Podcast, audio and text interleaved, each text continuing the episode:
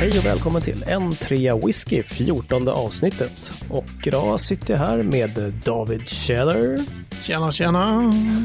och Mattias Elofsson. Ja men hallå hallå. Tjena eller? Mår ni bra? Ja vars, det är okej. Det hostas lite men eh, vad fan. Det är lugnt. Ja, smaken är i alla fall tillbaka. Härliga tider. Hur är det själv? Det är fint här tack. Smak och hörsel är någorlunda. Hörsel? Ja, jag vet inte fan. Jag drog till med något. något. Det jobbiga coronasymptomet. Så bara, ja fan jag hör ingenting längre. Ja, Precis, det är covid-20 är på ingång snart. Ja just det. Mm. Ja, här, Yeah. här är allt bra. Hörni, vi fick en, eh, en läsarfråga från Ronny Wettervik som jag tänkte att vi skulle prata om och besvara förhoppningsvis. Har du också fått, Mattias, du kanske skulle kunna dra den? Har du den Ja, dig? jag har också läst den. Jag kan dra den här. Eh, han skriver så här på våran Facebook att eh, ni var inne på Laffe 10. Jag antar att han menar Lafroig 10. Ganska Eh, att, och att smaka likadant över tid etc. Vilket de inte gör alls. Så även Lagavulin 16 och Ardbeg 10. Så ett ämne som det skulle vara lite skoj att höra er spekulera om. Orsakerna till varför de ändrat så mycket som de har genom åren. Take it away David. Eh, ja, alltså det där är... eh, Först så ska man ju ha klart för sig att eh, den, eh, den i whiskykretsar eh, ökände och kände laggatoken Ronny Wettervik här, vilket slags tidsperspektiv han har när han säger, vilket de inte alls gör. Eh, han menar Mm, alltså det där in- är ju lite intressant. Ja, alltså han, han menar då inte så här att den liksom flaskan man köpte som buteljerades en månad senare smakar inte alls som den förra flaskan, utan han har ett längre tidsperspektiv. Han har provat mycket whisky buteljerad för länge sedan. Så att, När du säger länge sedan och tidsperspektiv, då, vad, är, vad pratar du då, då? Pratar du 10 år eller är det liksom längre ändå? Är det 20 eller är det mer? Ja, alltså Lagga 16 vet jag inte riktigt när den lanserades. Den har väl inte funnits lika länge, men den har väl funnits i 20 år i alla fall, alla gånger, 25 år. Eh, Okej. Lafroig 10 eh, finns det ju buteljeringar från 60-talet av Lafroig 10 year old. Och då Är det sant? man ju, Så länge? Ja, ja. Den, den har funnits väldigt länge. Ehm, och i väldigt små utgåvor då. Den var inte lika brett lanserad som andra. Alltså, man brukar ju säga att Glenfiddich var den första eh, brett lanserade singelmalten, men då menar man just, alltså det fanns just singelmalt som man kunde köpa på 1890-talet också för den delen, men då fanns det bara Mm. så att säga närheten av destilleriet. Men om man då Okej. tittar på eh, Lafroig 10 och så provar man en Lafroig 10 buteljerad sig på 70-talet och en Lafroig 10 buteljerad idag, då är Mm. skillnaderna massiva. Mm. Så att det här med att man destillerier vill göra, som vi har pratat om, det här consistency över tid då. Att de ska Mm, smaka mm. likadant som de alltid har smakat och så. Får man då möjligheten som jag har fått vid något tillfälle, eller ett par tillfällen tror jag, prova sån här Lafroig 10 buteljerad någon gång på 70-talet och så är det eh, det är ju inte det att det är lite skillnad. Det är en enorm skillnad eh, i hur de sant? doftar och smakar. Ja, ja visst. Det är, det är jättestor men- skillnad. Men när du pratar om, om, om eh, whisky som är så gammal så här, är det liksom, menar du då att den har förändrats genom att ligga på flaska? Det låter inte riktigt som det, men, men den har ju legat på flaska i en halvvinnerlig tid och kanske förändrats utav det. Men, men du menar alltså att, att destilleriet gjorde en, liksom en annan produkt med annat, annan smak och, och, och sådär eh, på 70-talet. Eh, Och den har förändrats alltså till, till det vi har idag i, i Lafroig 10 Ja, flaskan. precis. Alltså, det, du kan ju aldrig...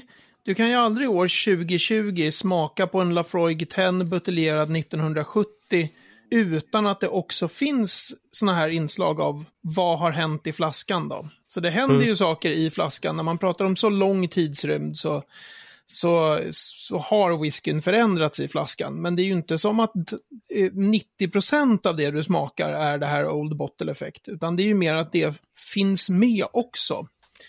Eh, så man kan aldrig riktigt utan att åka tillbaka i tiden till 70-talet smaka exakt hur den smakade på Nej, 70-talet. just det. Men det är klart att väldigt mycket av det du smakar är ju så att säga som den smakade på 70-talet. Ja. Just det. Fan vad spännande. Men, men, men vad, vad, vad har hänt med den då? Alltså du har ju smakat och säger, och säger att den är helt annan. Vad, vilket sätt har den, skiljer den sig på?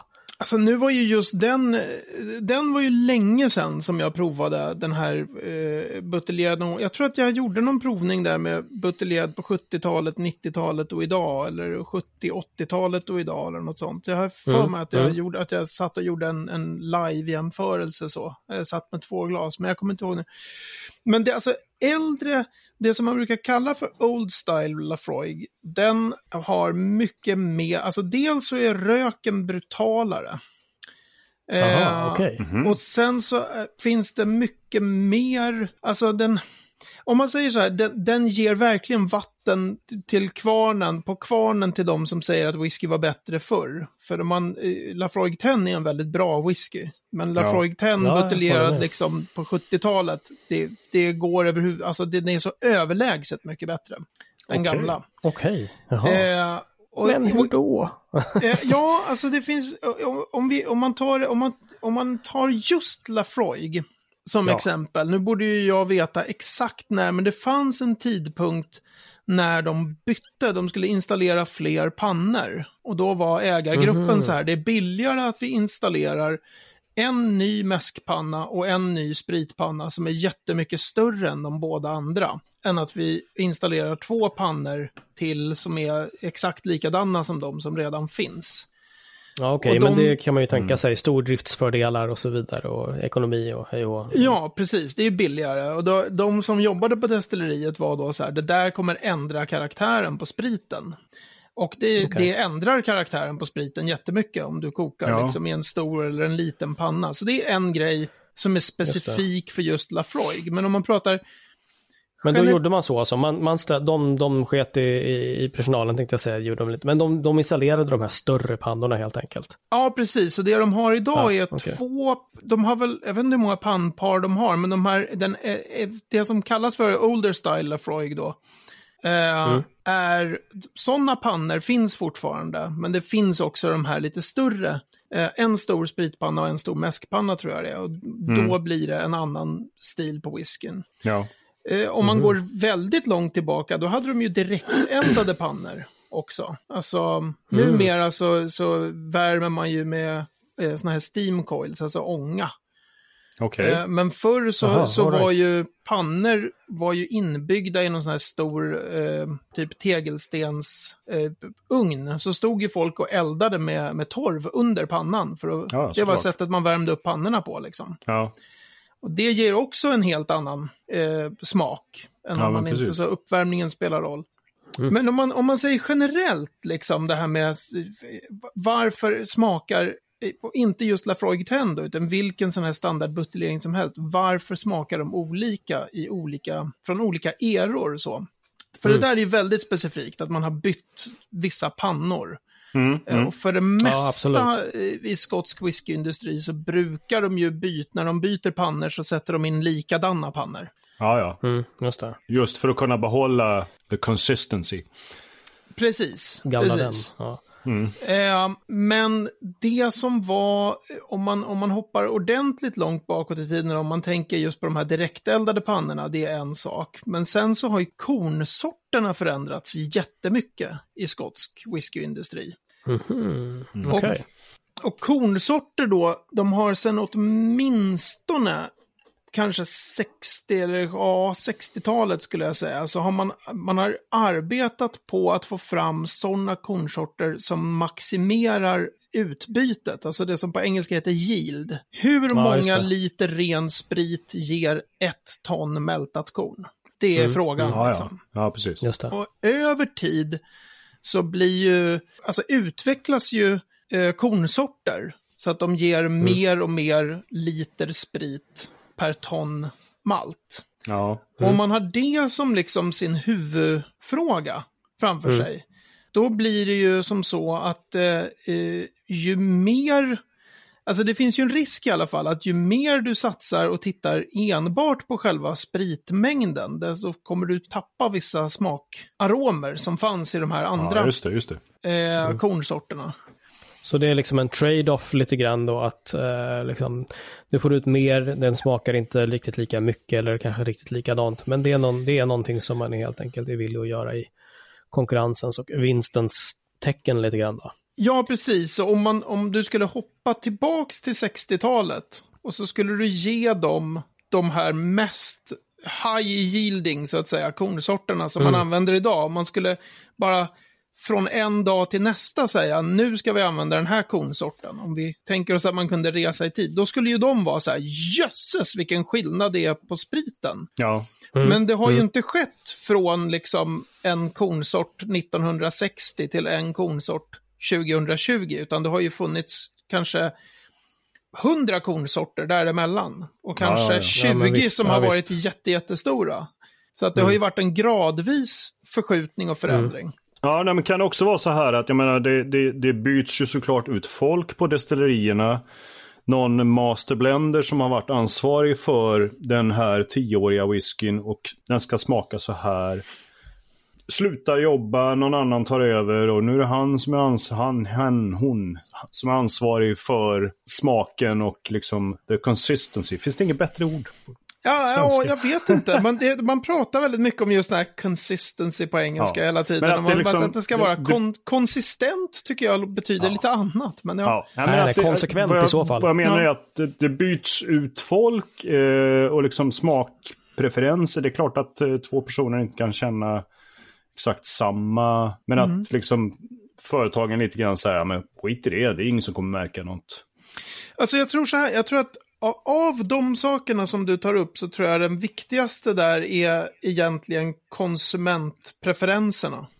Därför att inom skotsk whiskyindustri så är det väldigt mycket så här, de här som är destillerichefer, de får inte, de, de förväntas inte sätta sin prägel på just spriten. De kan säga, kan vi inte prova det här med lite mer sherryfat eller Ja. jag vill gärna göra en, en utgåva, så jag tror att den här skulle funka bara som åttaåring. Kan vi prova en, alltså sådana grejer. Men, men att peta i newmaken, alltså de, det, traditionen är väldigt mycket så här att man ska göra, man ser sig bara egentligen som en steward, som en, jag är bara en som, som tar hand om En det här. förvaltare. Ja. Liksom. precis. Ja. Man är en förvaltare av en tradition.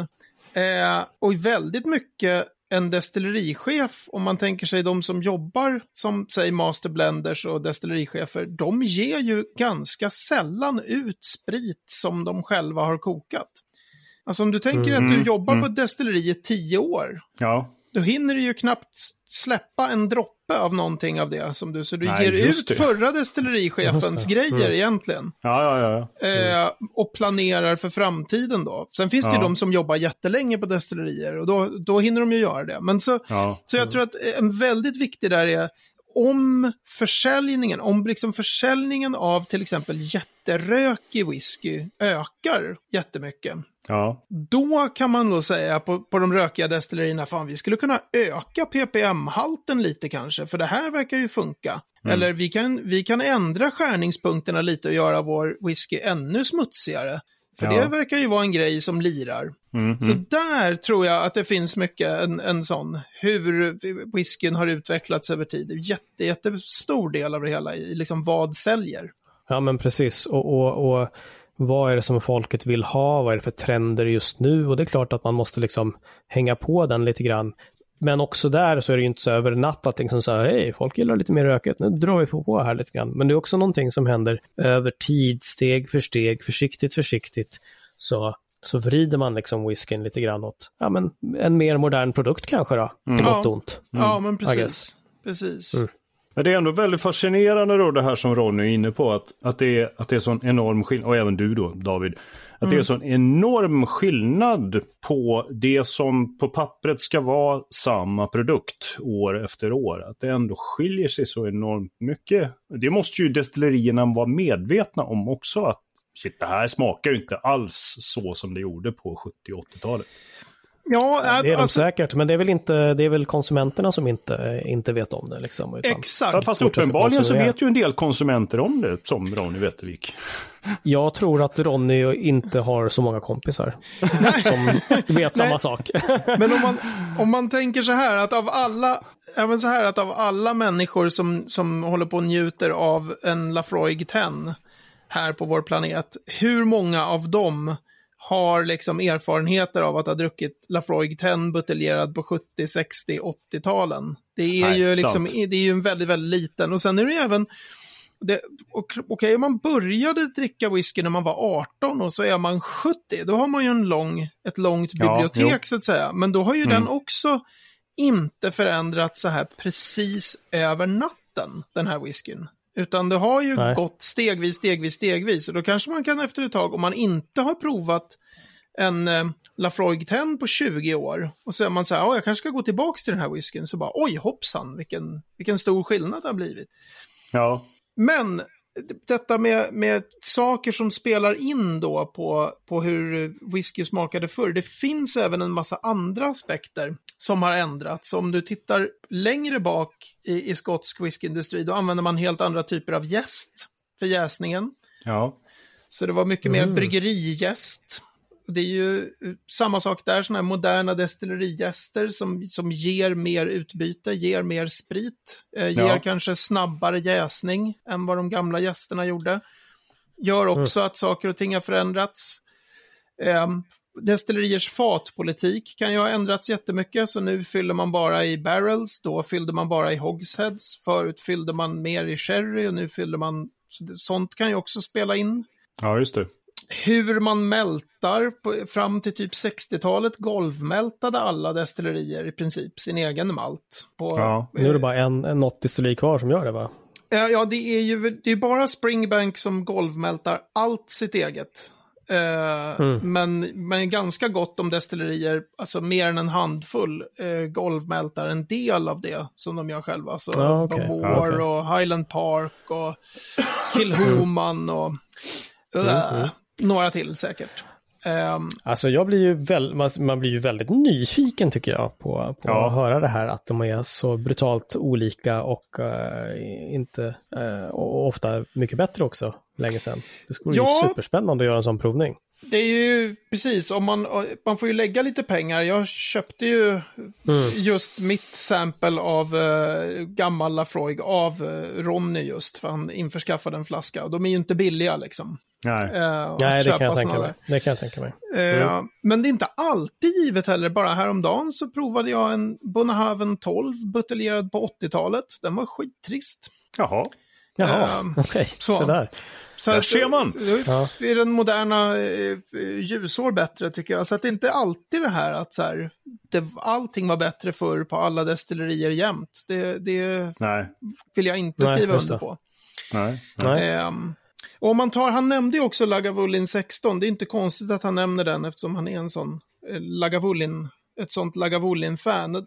Där finns det ju att de har ändrat hur mycket ppm de har på malten. Och det börjar väl bli för uppåt en 20 år sedan, eller 18 år sedan eller något. Så nu börjar ju det kicka in då i 16-åringen. Ja. Att det är lägre ppm. Jag tror att de gick från typ 55 till 35 eller något. Det är ganska stor eh, Mhm. förminskning då. ja, ja. Ehm, Just det. Men där kan ju ma- massa annat också ha spelat in. Men just den saken är ju väldigt tydlig liksom. Att, att det händer någonting eh, många, många år senare ehm, med whiskyn. ja. Så det finns massor av aspekter Och- som, som spelar in. Och, och jag har provat annan sån där buteljerad för 20 år sedan. Där det har varit så här, det här är helt sanslöst mycket bättre än idag. Och Ja. andra gånger är det så här, "Meh", och så är den moderna bättre. Så jag, eh, jag tycker, Ja, ja. the jury is still out för mig. Ehm, ja, ja. Ja, just det. Så. Och här kan man ju bara vänta och se var, var sitter vi om tio år liksom och säger åh, 2020-uttappningen, den var ju grym. Eller jätteäcklig. Ja, precis. Den som har en, le- har en lever får se. Ja, precis. Absolut så. Då är det dags för veckans ord och det här är någonting som eh, har sett på flera produkter. Tandkräm, tvål, andra sådana hushållsprodukter, nämligen refill. Men det här är inte samma sak, eller hur? Tänk om det var det. Tänk om man kunde gå och köpa En whisky refill. whisky Ja, fan refill. Fan, jag har ju flaskan kvar. Jag bara köper en påse. Ja, det är, Häller idén över. är inte så jävla puckad alltså. Ja. Så jäkla roligt. Jag satt verkligen där och bara, sätter på tandkräm och sätter på så här, vad är det för ett ord han tänker säga? Så här, Eller hur? mm, Men Mint, spearmint. precis. Där vi har nu sett var ju det tandkräm helt, eh, helt skitpuckat för där köper, man kanske inte någon refill. Det var handtvål Ja, i dessa coronatider som jag verkligen tänkte på. Men Ja. utkom Ja. något annat. Så kan det gå. Mm. Refill. What the hell? Refill. Okej. Jag tror vi har varit inne lite kort någon gång på det här med first fill-fat. Första gången ett fat används för lagring av whisky är det ett first fill-fat. Just det. Och det är, gäller då även för fatet som har använts för bourbon. Så det har använts för sprit, skickas till Skottland, men det är första gången man skickar in eh, whisky i det. Så då kallas det för first fill bourbon-fat. Jaha, Okej. okej, Mm. Så Eh, och det behöver fat- inte vara ett virgint fat liksom, utan Nej. det kan ha varit annan sprit. Gäller Så- det även då för sherry och, och, och liksom andra sådana Exakt, fat? alla eh, så här, first fill red wine cask, first fill sherry cask. De, det är liksom, Mm. de har ju använts givetvis för de har ju haft sherry i sig, eller rödvin, Ja. eller konjak, eller vad de nu har haft. Ja, visst. Men skottarna Mm. tycker liksom att eh, nu börjar den här, det här fatets liv, för det är nu vi häller sprit i det. Då är det first fill. Just det. Eh, och sen är det ju, säger det ju sig självt om det står Virgin Oak, alltså nyek, att då har det ju ingenting varit i det, men då säger man Nej. aldrig first fill, utan man, då är det liksom givet då.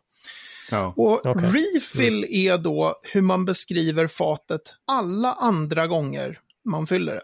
Ja, just det. Efter den Och- första. Som, i- som liksom i nördkretsar så kan man prata om second fill bourbon barrels till exempel. Ja, Eh, just det. det används inte jättemycket av branschen. De säger det ibland, att det här, det här men det, det finns en, en tendens att säga first fill och sen allt annat bara refill, refill casks. Ja, ja, ja. Eh, Ja, Okej, okej. Så det är inte fourth fill, eh, liksom. Man, man, ingen skulle någonsin säga så här, this is a fourth fill cask, därför att det har så låg status att du har Ja. använt det så många gånger. Så då Ja. gömmer man det under termen refill. Och det, det är lite olyckligt för att ett second fill-fat då, som är, eh, Mm. den, som också förvirrande nog ibland kallas first refill. Nej. Ja, ja. Är ni med? Alltså första gången Nej. fatet blir ett refill-fat. Liksom. First Ah. refill. Ja. Eh, ja. Wow, Mm. ja, okej. Men, men att man blandar ihop för att fatet ger, kommer ge väldigt olika saker beroende på hur många gånger det har använts. Mm, mm, mm. Eh, och då finns det väldigt mycket, även hos mig, tills jag läste eh, Dave Brooms bok eh, Whiskey The Manual. Ehm, så fanns Mhm. det hos mig en sån här, first fill-fat är bra, refill-fat är dåliga. Det var min, Jaha. eh, liksom, Ja, för att ja, ja. man brukar prata om att det ger så mycket mer punch och tryck i, i dofter och smaker med och även i, i whiskyindustrin idag så pratar man mycket om så här better wood management. Det betyder liksom att faten inte är lika urlakade. Man har mer Nej. first fill-fat och så. Okej. Men sen när jag läste den här Dave Brooms The Manual, då hade han Whiskey The Manual, en jättekul bok där han eh, mixar massor med singelmalt med och ser vad som händer när man blandar dem med eh, kokosnötsvatten, Coca-Cola och är det ginger ale eller vad är den tredje? Det är så här, de tre vanligaste mm, mixers som Mixrarna, folk liksom. använder runt om i världen. Och sen så är Ja. det så här, Lagavulin 16, bara hur blir den med Coca-Cola? Hur blir den med kokosvatten? Hur- Och sen så Det är är jag så här, Russian. Ja, Fy men så här, vilka Ja, blir bra och usch. vilka blandningar funkar inte och så här. Men då har han i alla fall en beskrivning i början av olika whiskystilar. Som kanske så här, du vet, heavy and punchy, fruity and floral. Alltså väldigt så här basic beskrivningar av olika Ja. eh, Ja. stilar av whisky. Och då skrev han om eh, de som ska vara så här light and grassy, tror jag var själva stilen som han beskrev. Mm. Då skrev han så här, many refill casks are used. Och för mig var det en, en fet chock.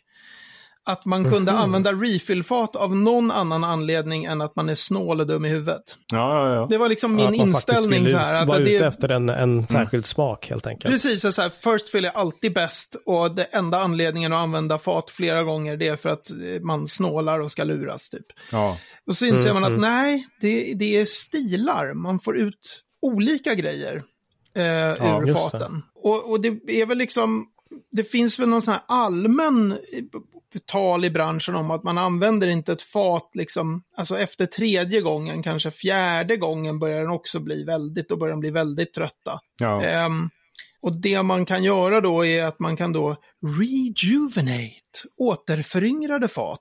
Återföringa, det Eh, låter say ju what? halleluja. Ja, men alltså du skrapar av det där, det där lagret med rostat eller kolat trä inuti. Du spolar ur fatet och så kolar du om det. Alltså eldar lite inne i fatet. Okej, okay. ja, ja. Vadå, man eldar i faten alltså? Ja, ja visst. Alltså när man gör fat, då måste du ju böja de här stavarna. Så då ja, måste ja. du värma upp träet. Så då, då ja. rostar du, om du ska göra ett vinfat, då rostar man trästavarna. Okej. Okay. Och från början var det gjort för, så här, för att ens kunna bygga ett fat. Så alla fat är antingen rostade eller kolade eller både rostade och kolade. Så antingen rostad långsamt för att få dem böjbara och kola, då är det, det är ju big on total burning i liksom vad det nu kan vara, en ja, sekund det, eller det, två eller. Det blir en kolinsida helt enkelt. Ja, ja, precis. Och då, så ser de ut på insidan av, av faten. De är ju svarta liksom. Ja, ja, ja. Äh, insidan då. Men så då kan man återföryngra och det eh, finns det olika åsikter om fall det är bra eller ja. dåligt så att säga. Men refill är då alltså egentligen allt annat än first fill. Och, och, det, man ska ha klart för sig att det inte behöver i sig betyda att det här är en snål ägarkoncern. Nej. Eh, vi har ju pratat mycket Lagavulin i det här avsnittet. Lagavulin 16 är ju enbart lagrad på refill bourbon hogsheads, alltså ganska stora för att vara bourbonfat. Stora ja. fat. Mm, mm. Okay. Bara refill. Ja, och det är ju liksom, du, då, där har du det. Hur kan den vara 16 år gammal på ja. 43 procent och ha så djävulusiskt mycket trycka kvar i sig? Mm, ja, eh, ja mm. den lagras inte på liksom First Fill Bourbon Barrels. Du, då skulle den smaka helt annorlunda efter 16 ja, år. Ja. Och det är den stilen som de vill ha. Det är liksom inte för att så här, gud vilka snåljåpar, varför kör Nej. de inte First Fill? Nej. Ja, men det låter ju superspännande. Alltså som du säger, eh, att man inte behöver rynka på näsan åt eh, refillen, utan det är en stil bland alla andra som Precis. får liksom en smak alltså, som destilleriet vill ha på whiskyn. Ja, och det som, det som kan vara då är ju att då, ju, ju, fler gånger du har använt fatet så kanske eh, du, det får lagras lite längre tid liksom. Och om man tänker sig att man planerar för att eh, ge ut en 30-åring till exempel, då häller man inte spriten i ett first fill-fat. Utan du tänker så här, Nej, här, vi ska, då blir det för mycket liksom. Ja, då, det, den kommer vara överlagrad och, och, ha alldeles för mycket, liksom, om det är sherryfat till exempel, då, den kommer liksom ja. smaka bara sherry. Eller bara ja, sherryfat kanske man ska säga. Mm. Så då kanske så du tar då de där... använder man gärna ett lite trött fat liksom som har varit med några gånger. Som, som varsamt kan liksom mejsla fram det här under lite mer lång tid. Ja, precis. Så, så kanske varit med åtminstone en gång tidigare och kanske två. Sen mm. tror jag mer än så, då, då, då börjar de ju bli trötta. Men sen mm. är det ju en fråga också om du, du kan ju ha ett, ett fat. Säg att du har ett fat som är first fill, du använder det fatet eh, för en jättekort lagring. Tre år säger vi. För du ska göra en blended ja, okay. whisky och så, så ska du ha en billig blended. Och så kör du bourbon barrels first fill säger vi. Ja, I tre mm. år.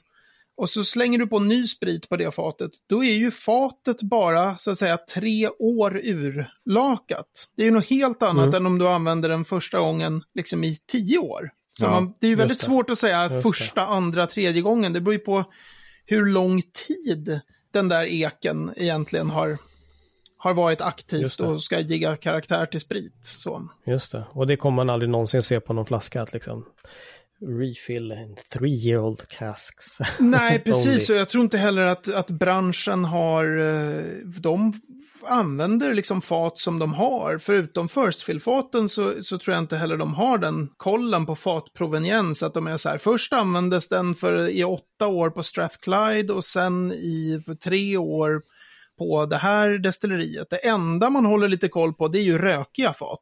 För det, du vill ju inte mm. liksom, om man, eh, man, om man ska fylla liksom och, och göra en orökig whisky, eh, då vill du inte råka hälla den i, oj det står Lafroig på de här faten, men det blir säkert ja. jättebra liksom. För det ger ju massor med rök till, till whiskyn. Ja. Det finns ju sån ja, whisky utgiven som är mm. lagrad på rökiga fat. Så.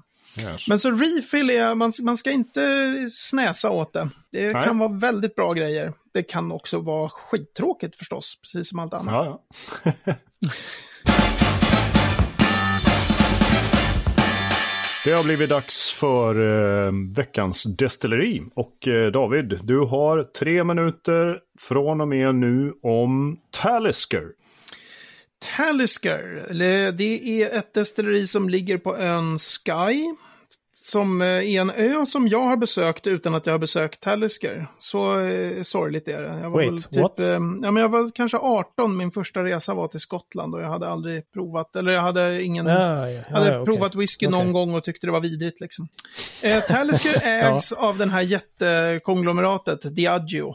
Ehm, och är en ganska häftig, alltså rökig och ganska pepprig, härlig whisky. Allt de gör, varenda droppe går till singelmalt. Så det är, om det nu är kanske en av de nummer 8, 9, 10, 11, 12 någonstans på listan av de destillerier som säljer mest singelmalt. Så det är väldigt, väldigt framgångsrikt eh, singelmaltmärke.